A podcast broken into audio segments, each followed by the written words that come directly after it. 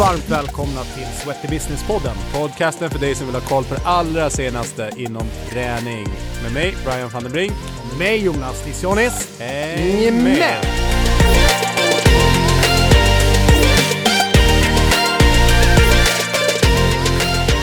Hörni, hörni, välkomna tillbaks till Sweaty Business-podden. Idag, today, we're going to do it in English. We have done a couple of uh, episodes in the past in English, but today I have the great honor of uh, inviting Rory McGowan. Welcome. Thank you. So, just uh, tell us what you do. Your company, Gymmetrics, Data is King. Uh, what is uh, what is it all about? Uh, we're going into gyms generally before a refurb. That's our sweet spot before the operator is going to spend a lot of money on equipment and temporarily attach sensors to uh, every piece of equipment uh, in the gym floor. So cardio, resistance, uh, free weights, and functional equipment. Uh, and then using that data, we help the operator buy the equipment uh, in an efficient way that matches customers' demand for it. Yeah, great. So let's uh, start off on a personal note. Uh, your name is obviously Rory McGowan, but where are you? Where are you from? Where are you grown up? Uh, I was born in uh, Zimbabwe. Uh, All right. And uh, uh, grew up in Zimbabwe until senior school. And then I went on a sports uh, scholarship to a school in England called Millfield. And then I went to University of Cape Town, back to Zimbabwe. And then in 2000 I left there and have been in Edinburgh, Scotland ever since. All right. What type of sports were you? Uh, swimming uh, was Swimming. my primary uh, sport. So I swam in the 92 Olympics in Barcelona. Wow. And I swam For Scotland or uh, Zimbabwe? Zimbabwe. yeah. And Yeah. then in 2017, uh, swam the English Channel from uh, England to France. So s- swimming is, was was my thing. Cool. Yeah, that's something else. Swimming in the English Channel. I would never do that. I would recommend it. you wouldn't. How long time did it take? Uh, 12 hours and seven minutes. By God. Yeah. it All right, but your your background within the uh, the fitness industry. How did you get involved, and uh, what's your like journey, so to speak? Uh, well, I mean, I've always uh, been a, a, a customer of the fitness industry, but it wasn't uh, a career of mine uh, until uh, 10 years ago. I was doing capacity planning for the National Health Service. Every three months, I was joining a new gym because a new city, a new project. And every gym I went into, I found that there was shortages, specifically of abdominal machines. And at the same time, I noticed other equipment was never getting used. So, because I was doing capacity planning uh, and I knew that to capacity plan you start with the demand, uh, I thought, well, if we attach sensors to all of the equipment and understood the demand, that would enable operators to buy equipment more efficiently. And that was essentially the, the, the start of it. The inception was 10 years ago, to 2009, and it took two years to uh, get it started through Edinburgh University, and, and then we got, uh, got going. Great, that's really clever, and I can really recommend you, everyone out there who runs a gym or thinking of running a gym, to check out the Gymmetrics blog. It's really good, and a lot of Yo- YouTube uh, stuff as well. Um, do you have any fitness or health philosophy in general? Um, Personally? not really. Uh, uh, I'll be honest with you. I'm a bit of a yo-yo uh, uh, trainer. I uh, train and get in good shape, and uh, a little bit obsessive compulsive about it. Don't want to miss a day, and then something happens, and I uh, miss a miss a day, and miss a couple of days, and then that turns into. Uh, well, when I was younger, I could hold on to it for a month. As you get older, you lose it quicker. Yeah, I know. And then one day I look at myself in the mirror and I'm like, you're fat and disgusting, get back in the gym. And then uh, I start training obsessively again. And uh, this is the, the, the cycle that I go in. I'm not a, a permanently fit uh, person. Yes. Uh, you're a positive guy, good, great energy, but what pisses you off? Uh, waiting for gym equipment Obviously. because uh, operators have not bought enough of it. I mean, that was the whole uh, uh, uh, uh, beginning of Gymmetrics. Uh, I'm impatient. Uh, any form of queuing, uh, I can't stand. Uh, if it's a supermarket, I'll walk out. I hate waiting and wasting my time. yeah, I agree. Uh, where do you um, like recharge your energy? You travel a lot. We spoke a bit before we started recording. You travel a lot. You work hard. Yeah. Uh, what do you do to unwind? Uh, I walk my dog. Uh, I love. I have a, a, a border collie at home. Ah, great dogs. Yeah, super had two. intelligent. And uh, yeah, just going out and, and just seeing the dog uh, live in the moment. It's not thinking, uh, you know, how it behaved before, what's going to happen in the future. It's just living in the moment and, loving the moment. And uh, yeah, it's just uh, watching her loving life and running around after a ball is Yeah. uh, how I recharge. That's great. Uh, if I gave you a million pounds right here and now, what would you do with it? I'd stick it straight in my business. Yeah. Yeah. Continue developing it. yeah, yeah. I'm sure my wife would want a house and uh, some other things, uh, but for me, I, I would be wanting to put it straight back into my business. yeah, true entrepreneur speaking.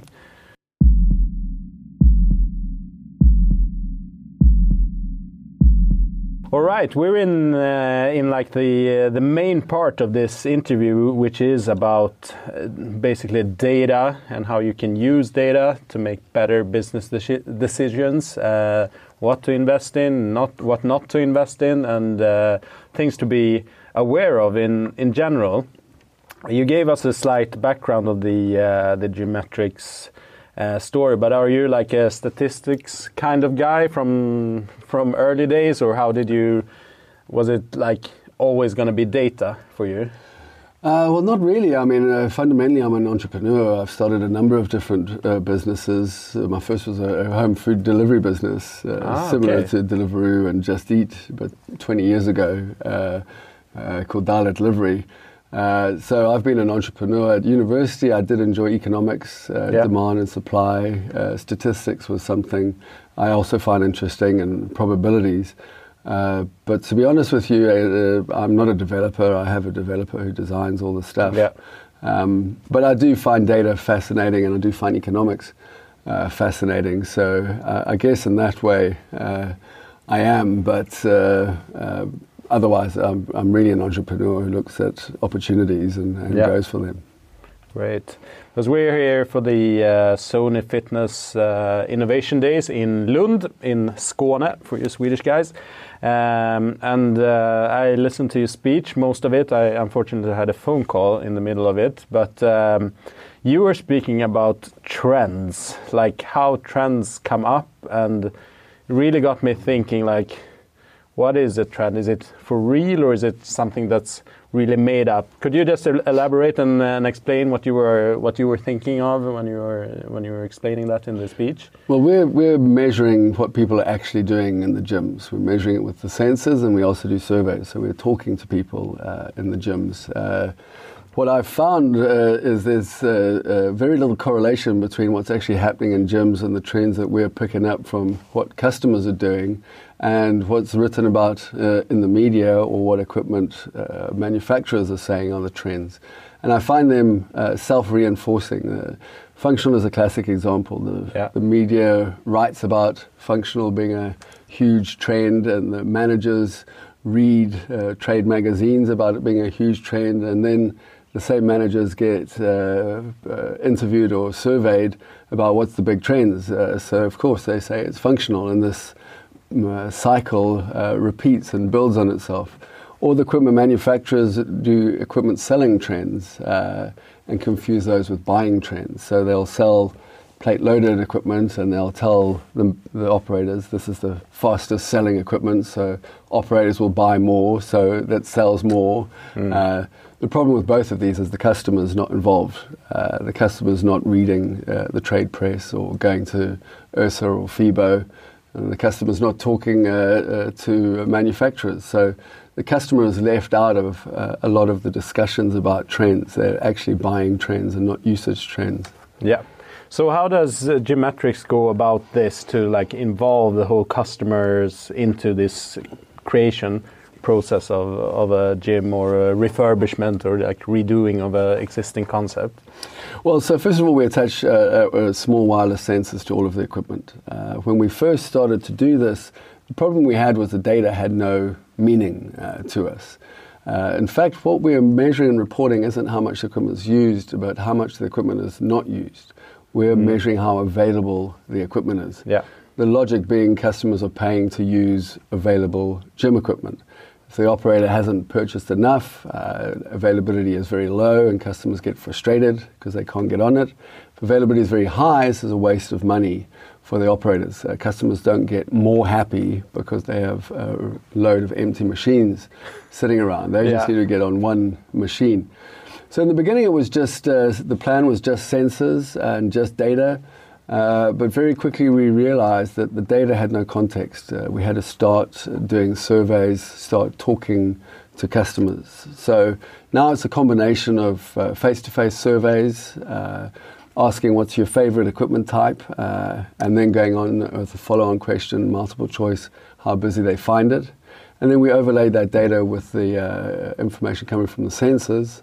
And this enabled us to see at what point customers get frustrated because there's not enough, and at what point they're happy where the operator's buying too much. There's a real synergy between uh, the surveys and the sensor data. I wouldn't like to have to write recommendations based just on the sensor data, and I wouldn't like to do it just on the surveys. It's Yeah. uh, two combining that produces a synergy that enables us to give advice with confidence. All right, but in terms of uh, like user uh, generated trends, have you what pieces of equipment have you seen in recent years that have been really driven by the consumers' behaviors?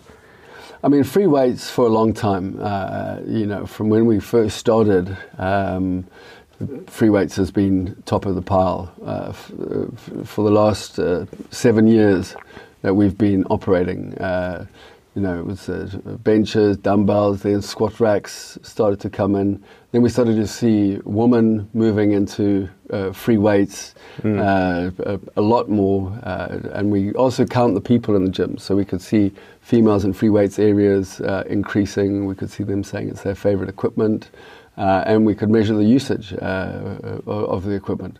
So free weights until until this last year. In this last year, cables, adjustable cables, uh, Yeah. dual adjustable pulleys, cable crossovers. Uh, these have suddenly. Uh, this is the first year that free weights has not been uh, the biggest uh, uh, trend. Cables is taking over uh, as the most used equipment type in a, in a lot of gyms. It was always treadmills. Uh, then benches came up. Now uh, dual adjustable pulleys, crossovers are coming in as the big ones. Uh, but otherwise, also uh, uh, just free space, mat space, uh, stretching space, just space for people to do their own things that doesn't involve actually filling the gym floor with equipment. Uh, is uh, uh, would be the other big growing trend that we're seeing. Yeah, that's interesting. Uh, talking about cable machines, uh, do you know anything about the underlying like reasons why they have increased in, in popularity? I mean, I often say that the data is the, is the question sheet, is not the answer sheet. Yeah. By answering the questions, you get to insights. Yeah. Uh, if you're not answering the questions in the first place, you don't get to the insights. Uh, it would be a guess as to why, what's causing it. I think people are getting more educated, uh, how they work out in gyms. Uh, they're not confined to just a, a, a chest press machine or a pec fly machine. They can go across and do these exercises on, on dual adjustable pulleys and cable crossovers. And specifically the two uh, that uh, enable this huge uh, variety of exercises. And I think people are getting more educated about how they can use that type of equipment to work out uh, pretty much anything. I mean, I travel a lot. If I walk into a hotel gym and they have a dual adjustable pulley, I'm like, job done. Uh, Yeah. you know, I can do every body part uh, on that machine. So I think people are just uh, uh, getting more educated about how to actually use that type of uh, equipment. Yeah, I probably agree with that. In terms of, uh, in general terms now, in, in terms of bottlenecks, flaskhalsar for the Swedish listeners, uh, what kind of equipment uh, causes these like lines, all the stuff that you hate? Generally, what what kind of equipment do you see out there that is undersupplied? Um, I mean, generally, uh, on, a, on a macro scale, it's, it's cheaper equipment. Uh, equipment manufacturers uh, uh, don't like me saying it, but they've had a huge influence on the purchasing decisions that uh, gym operators have made. and they make a lot of money selling expensive equipment. So we see an oversupply of expensive equipment and an undersupply of cheaper equipment on a macro level. Yeah. So the, the bottlenecks are uh, cheaper equipment, uh, uh, 10 to 20 kg dumbbells, stretching mats. Uh, recently, squat racks uh, are a big problem uh, in gyms. Yes, I know about that. Olympic flat bench racks are another huge problem. Uh, just benches uh, in most gyms as well. Uh, so uh, a, a lot of the, uh, uh, funny enough, the, the, the cheaper equipment is the stuff uh, that is causing the bottlenecks, and you have too much of uh, of expensive equipment, the cardio, cross trainers, uh, etc. Yeah, I think a lot of people listening to this podcast can actually agree that uh, a lot of time is like the I, I I'm a member at one small local gym, but there's one squat rack there. They have two barbells, so uh, there's always people there, and a lot of the machines are just sitting there. Uh, with no one using them, hardly using them. at- Pla- at least. platforms as well. Uh, Yeah. a, a squat rack with a platform. This combination uh, is uh, super popular. Yeah. Uh, uh, guys love it. Uh, even when they don't need it, uh, they'll stand on one and do arm curls. Uh, but but they love great. a, a squat rack and a platform uh, for sure. Yeah, take notes, guys.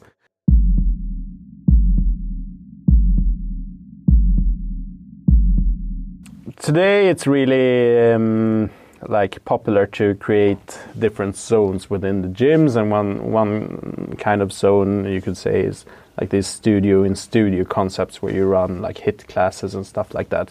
Could you uh, tell me a little about you- your view on uh, on things to think about when you're creating these studio in studio concepts? Yeah. Uh, I mean, we've been measuring uh, uh, quite a few of these studio and studio concepts. So you'll have uh, six uh, skill mills, uh, six punch bags, six TRXs, six assault bikes, and people cycle through it.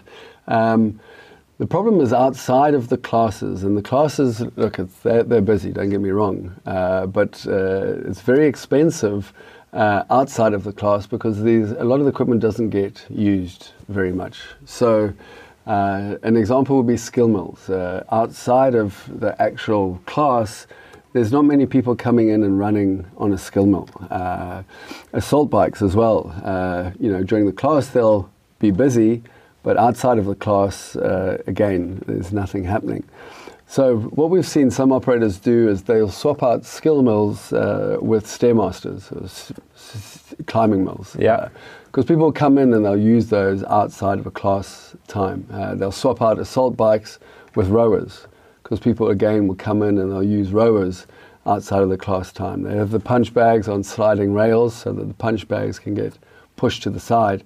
And in this way, they're getting utilization out of that space outside of the class hours rather than that just be a dead space uh, when classes aren't on. Yeah, so you're basically saying you have to really think about how the equipment best can be used outside of your classes because your classes will only be just a couple of hours tops per per day probably. Yeah, if you're wanting to maximize your return on that investment. Uh, otherwise, it can be a very expensive class, uh, uh, buying uh, rows of uh, you know, skill mills and uh, rows of assault bikes that don't get touched outside the class time. Yeah. Uh, you were talking about something that you call the urinoir effect, urinoir, pissoir effekten. Uh, and then you were talking about treadmills and how they are uh, stacked right beside each other. Could you elaborate on, on this effect? Well, we're finding uh, uh, cardio is a, a falling trend. Uh, uh, you know, we've spoken about what's increasing, but what's, this is all coming at the expense of cardio. People recognize free weights as going up, and a lot of people assume it's coming at the expense of resistance equipment. People that used resistance would advance onto free weights. Uh, that's not the case. Resistance is going up, free weights is going up, uh, and it's both coming at the expense of cardio. Cardio is falling. Uh, so a lot of operators are uh, worried when we're saying pull out a ton of cardio. Uh, and one of them, uh, one of the objections we come across is this sales memberships. We like having rows and rows of cardio banged up against each other. So what we've noticed uh, on heat maps when we're analyzing the, the data and the usage is people will generally in a gym that's not so busy skip every alternate uh, treadmill, or, or, it doesn't have to be treadmills, cross trainers, bikes, uh, AMTs, the same pattern uh, follows. Right. Uh, because the operators are putting the equipment too close to each other. if they just space the equipment out a little bit more, uh, uh, people will use it more evenly. But instead, you get a pattern like guys at a urinal. uh, one uses one, and then you skip the next one. yeah, you because you don't one. want to be too intimate. Yeah, exactly. I mean, it's an intimate feeling. Um, and, and until it's busy. And then when it's busy, well, you've got to use all the urinals. Yeah. Uh, so in these gyms where we see this pattern of every second one getting used a lot, it's an indicator to us that there's too much equipment, uh, too much cardio. And in these instances, just space them out. Uh, people don't like their space being invaded. Uh, Hmm. You know, we all have a zone around me. I can't stand someone running on a treadmill next to me when uh, there's loads of other Yeah, yeah, I hate that as well. Uh, I'm like, what's this guy got no spatial awareness? Move over. Uh, but uh, uh, in these instances, just you, you know, uh, spacing the equipment out a little bit. Mm. Uh, spaciousness is a value driver. People like spacious gyms. They like having their own space and it not Mm. being invaded. So don't worry uh, about you know pulling out a load of cardio. It's, uh, just space it out a little bit, and this will. Uh, So what about uh, like peak hours? Because I, I can hear some gym owners like screaming like during peak hours, it's tons of people who are waiting for the treadmills. What about those hours? Well, I mean, our analysis is uh, focused uh, entirely on peak. Actually. Okay. Yeah, the data tells us when the peak is. We don't come to it with a preconceived idea of when the peak is. Yeah. Uh, you know, some London city centre gyms, uh, you know, before work is the peak. Lunchtime can be the peak.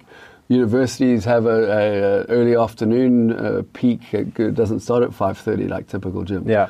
So the data tells us when the peak is, and all of our analysis focuses on the peak period. Uh, so we have a way of analyzing data, looking at how many are simultaneous in use. And if they're all simultaneous in use, we wouldn't be recommending uh, remove uh, uh, that equipment. Uh, it's the data telling us uh, when there will always be an available treadmill or cross trainer, etc. And then adding further empty ones is where the waste comes in.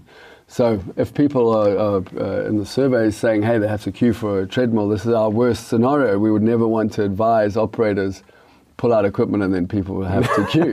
This is the whole Bad uh, advice, purpose uh, yeah. uh, of, of what we do. But we have very detailed ways of working out uh, precisely the point at which there will always be an available treadmill in peak uh, period. You were also talking about uh, like people with the view have the power, and you were speaking of like in terms of how you um, which way you're facing the cardio equipment, if you're overlooking the free weight areas or vice versa. Uh, could you tell us something about your findings there in, in terms of usage? Yep. I mean, we, we, we first started noticing it with uh, cardio that overlooked uh, f- free weights areas, and, and the same gym backed onto free weights areas. And we'd found that uh, the cardio looking over the free weights area, where the people essentially had a view over the free weights area, this was a, a natural per, position for them to look at out over the gym. Uh, these got a lot more use than the ones backing on to the free weights area, where the free weights area was behind them uh, the person's left, uh, who's looking at my bum, who's behind me, etc. So another big learning curve was power plates, uh, vibrating plates uh, for, for people who aren't familiar with it. Um, and we did one particular project for an operator that had them in tripods uh, facing inwards, but the one one was actually had its back into the corner of the wall. So there was Yeah. no one behind the person, and they could see out uh, from the corner. And that got more than twice as much use as the other two, which had their backs uh, facing the rest of the gym. So turns out women who are the primary users of them don't like uh, squatting on a vibrating plate uh, with people behind them. Obviously. Uh, which uh, seems obvious. Data makes things obvious uh, Yeah. that wouldn't otherwise be uh, obvious. So by uh, uh, locating them, and we, we've spoken to actually the power plate guys, they've changed how they do this at trade shows and stuff uh, for people to try it out. They now have it backing onto a wall or backing Good, onto a thing, good. and they found that people are far more uh, inclined to try it out uh, when they can get on it, there's no one behind them and they have a view of Yeah. who's in front of them. So this is where designing female-friendly gyms uh, becomes important. Uh, you, a lot of operators uh, in the past made what they thought was a female-friendly gym by creating a small free weights area. Uh, now, as more and more women want to be doing free weights, this is not a, a advised strategy. Yeah. But giving the, the, the view to the woman over the men uh, gives them the power uh, rather than giving a view of the men over the woman. Uh, so the person with the view is the person with the power. Yeah. And if you want to empower uh, uh, a woman in gyms, uh, have them looking over the men rather than uh, the men looking over the woman. Good piece of advice. But if I look into like a general, like I would say more than 90% of the gyms, uh, most of the cardio is facing towards a mirror or a wall or or a window. Is it the best way to to to have the the cardio equipment uh, turned? Uh, definitely not. I mean, obviously treadmills have to have runoff areas uh, Yeah. behind them. But when I see uh, upright cycles facing into walls, I'm like, why don't you just turn them around so the people can look into the gym and look at other people? Uh, we did a, a, a project for a, a very uh, big, famous upmarket USA client, and they had a, a row of treadmills looking out over a lovely view of trees and uh, etc., beautiful buildings. And they'd used the trick of uh, using the runoff space twice. They had the, another set of treadmills looking into the gym so they could double up on the Ah, uh, okay. runoff uh, Yeah. uh, space behind it. And everybody, including myself's assumption was the ones that were looking out the window at the lovely view are the ones that are going to get used the most. And in fact, we were totally incorrect. Uh, the ones that were looking into the gym uh, were the ones used the most. Uh, people like looking at other people. Yeah. Uh, training. Uh, this is entertaining uh, rather than looking at a wall or even looking out a window uh, at a, a relatively nice view. Yeah. Uh, so our advice would always be, uh, you know, watching other people is entertaining to people. Um, so don't put upright cycles facing into walls uh, for sure.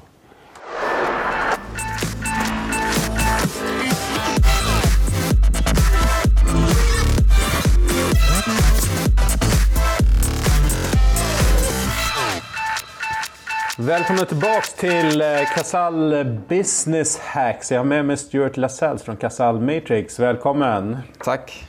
Du, idag ska vi prata om ett hett ämne. Det är eh, PT Studios. Eh, Jag ser på Instagram och många andra kanaler att det öppnas många duktiga PT som öppnar studios. Vad ska man tänka på? Om man går i de tankarna. Ja, bra fråga. Där, där är det först och främst jätteroligt att se så många kompetenta, duktiga PTs nu på marknaden. Jag tycker verkligen den har växt uh, mer och mer nu. Um, så det är jätteroligt att se. Och sen blir det utifrån den aspekten så blir det fler som kanske vill öppna sitt eget. Um, så att um, det är en grej som vi hjälper gärna till med. Eh, och det finns mycket saker att fundera över. Men först och främst att hitta igen den här konceptet som ni vill skapa som PT. Um, ehm, uh, eh, vad är det som jag vill erbjuda? Uh, vilka målgrupper, och koncept vill jag skapa? Um, och inte ha så snabba beslut. Försöka ta den tid det tar. Eh, hitta rätt leverantör som kan hjälpa, bidrag och, och, och hjälpa på vägen. Mm. Du, eh, man sen ska välja utrustning är ju en, eh, blir ju, ja, förutom lokalhyran, den största kostnaden. Men vad, vad ska jag välja? Hur ska jag tänka när jag väljer utrustning? Eh, ja, också en bra fråga. Vi, där är det kanske konstigt svar tillbaka, men jag, jag brukar säga inte för mycket utrustning. Eh, först och främst faktiskt. Ehm, tänk lite mer att det finns ingen behov i början att ha alldeles för mycket grejer. Tänk lite mer på kanske ett basutbud. Vad behöver jag verkligen ha för att kunna driva det och komma igång?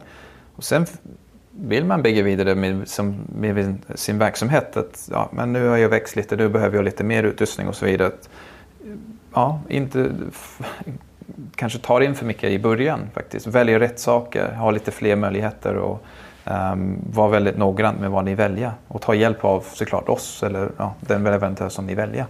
Mm. Supersmart eh, tips. Det är nog lätt att bli eh, överambitiös. Man vill ha allting och sen sitter man där med kanske lite för stora kostnader jämfört med vad man har intäkter till en början. i Ja. alla fall. Eller så kanske man inte ens behöver utrustningen som man, man, har, man har trott från början. Precis. Du, eh, ofta så är det ju begränsad med yta då. PT-studio eller det skulle ju kunna vara ett mindre, mindre gym i en bostadsförening eller liknande. Hur, eh, hur ska man jobba med att maximera sin yta på bästa sätt?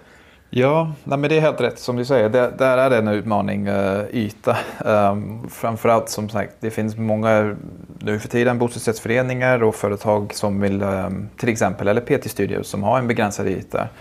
Och där vill vi, och, och, och, som sagt skulle vilja säga det, att ta hjälp av eh, oss då, eller leverantörerna att uh, verkligen gå igenom den iten som ni har och ge ett bra förslag. Um, jag tror det är super, super viktigt att uh, ta den kompetens och ta den hjälp att, uh, som finns där ute. Att um, få ett skiss och ett förslag som är anpassad. Um, öppna ytor, även om det är begränsat så kan du faktiskt ha fler möjligheter om du inte sätter in för många maskiner direkt på, på alla kvadratmeter. Så att, uh, var smart uh, och få ett bra partner hjälper till. Mm. Ta hjälp, det finns expertis. Ja. Om man vill eh, få tag på er och prata vidare kring det här, vart gör man det? Jajamän, vi finns tillgängligt så det är bara att höra av er. Vi, alla kontaktuppgifter och information finns på vår hemsida. Så gå in på Casal Professional um, så hittar du oss där. Grymt, tack! Tack så mycket.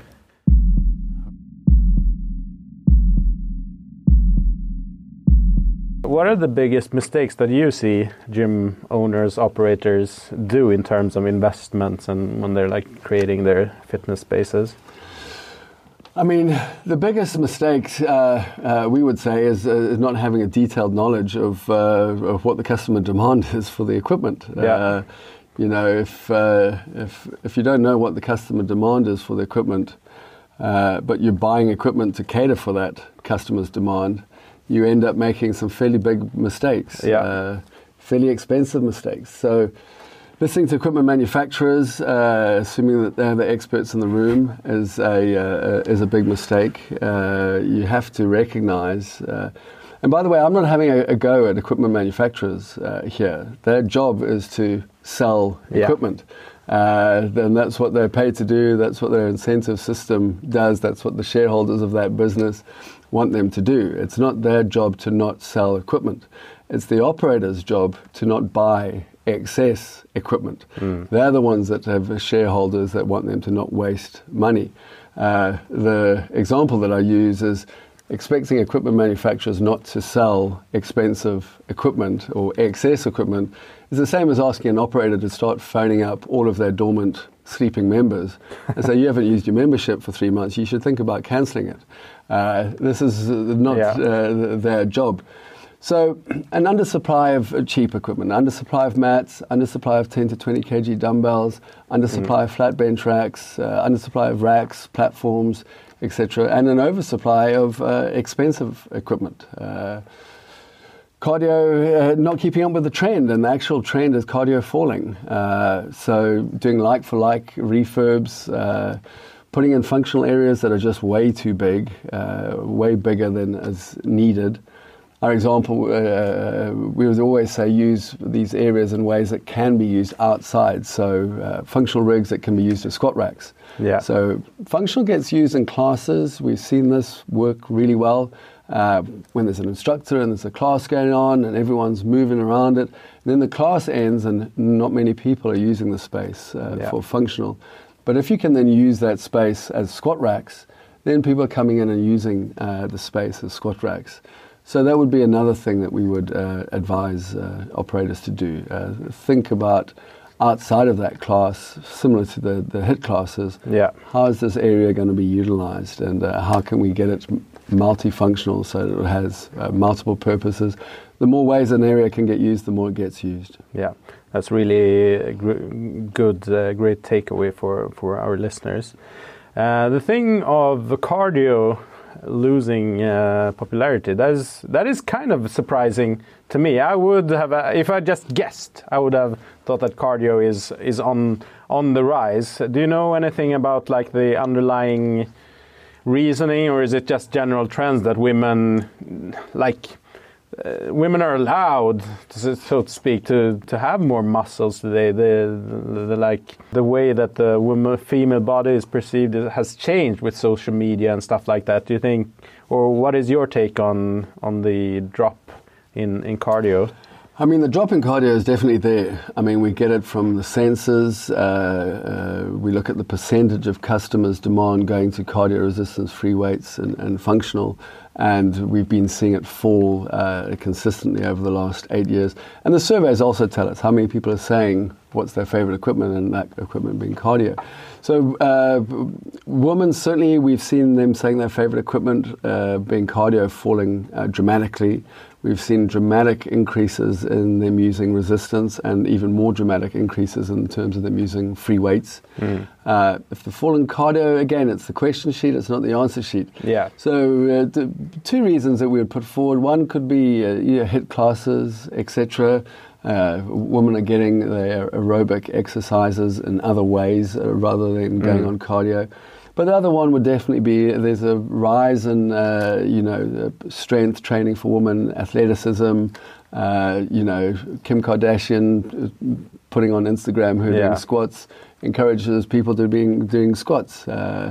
Uh, you know, the uh, uh, working out, well, the booty builder, etc. The, the, this uh, is a growing trend. Uh, yeah. And strong as the new skinny uh, is something that we think has really affected this. Mm. Women want to be strong and athletic looking. Uh, and I think also the science as well is backing up that, you know, before you thought to lose weight, you had to do cardio. Yeah. And now the science is saying, well, in fact, uh, you know, strength exercises, it burns less calories at the time, but then over time, yeah. it, uh, it, carries on burning calories. Mm. And to lose weight, you don't have to be on a, a, a cross trainer for half an hour. Uh, you can use resistance to gain strength and lose weight at the same time. Good. Yeah, I definitely agree that um, like level of competence within the cu customers uh, has gone up, and uh, so that definitely influences. But yeah, and as you say, social media. I mean, Instagram is full of different variations of squats and and and movements to improve your your butt. So uh, that will definitely affect that.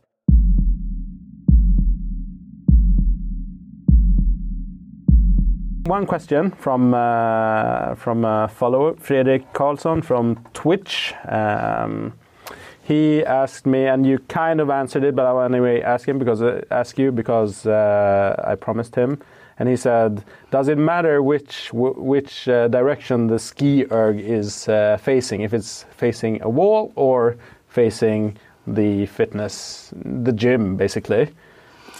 I mean, uh, we haven't measured it uh, before and after uh, with the ski ergs. Uh, I mean, my advice to uh, uh, gym operators with ski ergs are generally overbought. operators are buying too many. one is generally enough, but twos and threes we find is excess. It's not yeah. a crazy popular piece of equipment. We haven't done any experiments with ski ergs.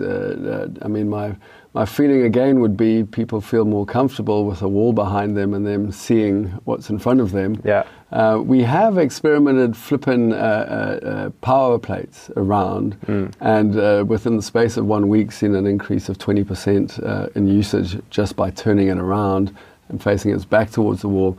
But I don't have any data on ski ergs.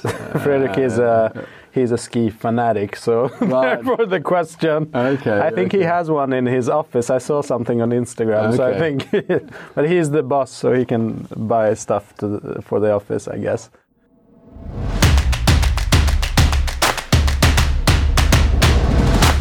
Yeah, we are right at the uh, end of this podcast, and we always finish with six quick questions.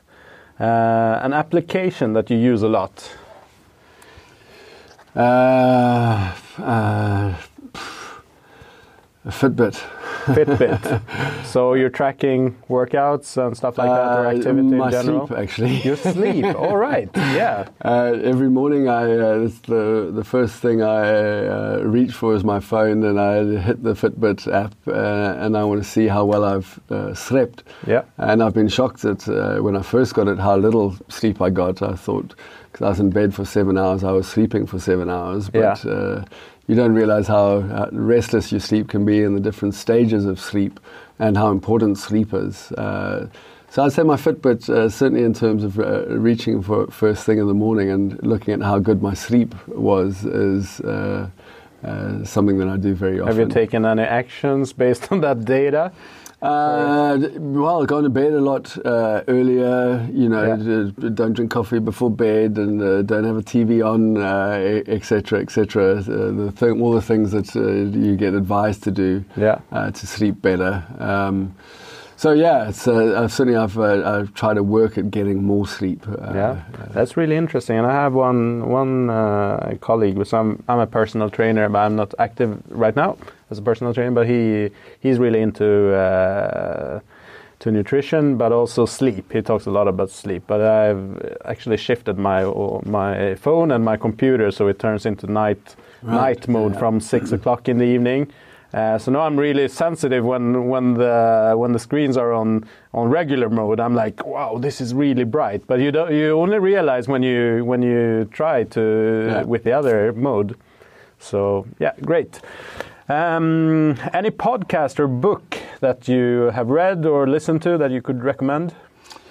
Uh, I mean, this week in startups, I'm into startups. Uh, Jason Calacanis, I find it fascinating. He gives away so much information. Uh, the Escape podcast, not every guest I find interesting. Yeah, that's really good. Uh, uh, but but certainly, uh, I, I pick and choose the the, the guests. Uh, just a lot of fitness uh, podcasts, actually, Yeah. listening to operators and uh, what they have to say about the business and their thought processes. I find uh, really interesting, also. A project that you're proud of? Well, I'd say Gymmetrics is a project uh, that I'm proud of, uh, uh, that's uh, worked out. Um, my first ever business, uh, Dollar Delivery, uh, is a business I sold to a, a big corporation and is, is still going uh, today, Wow. 20 something years later. Under the same brand or it's No, it's called Dollar Delivery still, Yeah. and uh, it's, uh, it's still running. Uh, so, uh, uh, businesses are my projects, uh, so that the, those would probably be the two uh, that I'm most proud of. good? Something that didn't go that well or failed? Oh, yeah, no, I've had those as well. Uh, you know, that's part of uh, uh, the roller coaster of being an entrepreneur. Uh, I've had a few things go down. Um, one would be we use people counters in the gym, and I was observing in trains in the UK that they counted the people with clickers. So I uh, inquired what happened to this information, uh, and they said they didn't know, it went nowhere. So we created an app uh, that was super clever. It worked out the train that was coming to the station that the manager was getting on, the, the seats on every carriage, and they could count it full or right swipe it and upload the data, and it produced a, a, a map of all of the gyms. It, it actually won the Railtex uh, Rail Industries Innovation Award Wow. uh, in 2015. Um, and we did a trial, and it looked like this was all going to be great. Uh, trains going around the tracks, uh, copied Uber, uh, but with uh, trains. And uh, it turns out when we tried to roll it out across all of the train managers, uh, they weren't interested in uh, this extra work. And it just uh, died a death uh, and was a, a total waste of money and a total waste of time. But I learned a lot about trains. All right. Uh, do you or did you have any role model, and who is that? Or Um, I'd go uh, probably all the way back to uh, a fellow called Zed Koudounaris, who uh, ran a corporation called Innscor uh, back in Zimbabwe, and who ended up uh, buying my my my data delivery business, and uh, just a, a hugely clever guy. Uh, at the time said we want to be the biggest company in Zimbabwe, which seemed r- ridiculous. Uh, they now are. They're the biggest fast food operator in Africa. okay, And wow. uh, I remember him calling us all in the, the one one day to teach us uh, this is how you should run your business, and walking out thinking I learnt more in an afternoon than I learnt in a whole year at university, listening to this guy. So uh, I would say. Him and how he ran things and uh, etc. would probably be uh, my first and, and, and biggest role model. yes. Uh, are there any trends that you think uh, we will see more of uh, in the near future? I think um, as operators start to recognize the real trends, uh, i.e., free weights, squat racks, etc., resistance, and start to buy equipment according to those trends, I think they will release the bottlenecks and these will grow uh, even more uh, than what they are at the moment. I think the industry is uh, holding itself back uh, in terms of the trends. It's still not providing enough of the equipment that customers actually want. So what we're seeing in the past year uh, is what we see extrapolating into the future. Uh, we're working with some very big operators who are listening to their customers and are responding to it. It's not something that happened before. Yeah. And I think that these, uh, uh, as they open up these areas, I think they're going to carry on. I think females doing free weights uh, is going to carry on, doing strength training is going to carry on. Um, I think there's still a lot to go in terms of removing the bottlenecks, and as they get removed, uh, the trends will those will continue. I don't see them falling. Yeah. Good.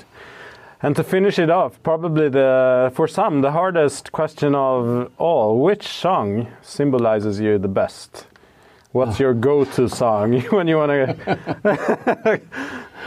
uh, you're the man, you're the man by the Killers. the guy behind the Killers. Yeah. I don't know. That has caught me, that one. yeah, cool. All right, Rory. Um, final thing if uh, someone wants to get in contact with you, uh, where do they do it uh, best? Uh, I mean, uh, LinkedIn is, uh, is, is easy. Uh, uh, uh, Rory McGowan, Yeah. MC, and no A's in it at all. Everyone we will we will uh, add the link into the uh, description of this episode. so- LinkedIn is probably the, the easiest, or Rory at gymmetrics.co.uk. Um, but LinkedIn is, uh, I- I'm on LinkedIn a lot. Uh, I like it a lot. It keeps me up to date with what's happening around the place, and uh, that's probably the easiest way for anyone to Yeah. get in touch with me. Great. Thanks for uh, thanks for joining or uh, visiting our podcast and taking time to uh, share with your knowledge and your uh, your wisdom. No, thank you. Thanks a lot, Brian. I appreciate it. I carry the crown. Nothing can break, nothing can break me down.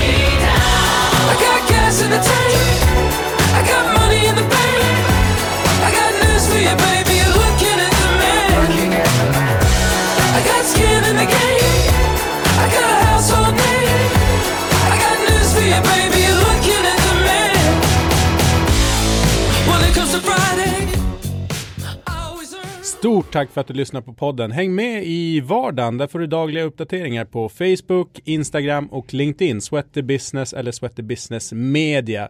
Har du frågor, tips och råd till oss så mejla jättegärna på podden at sweatybusiness.se.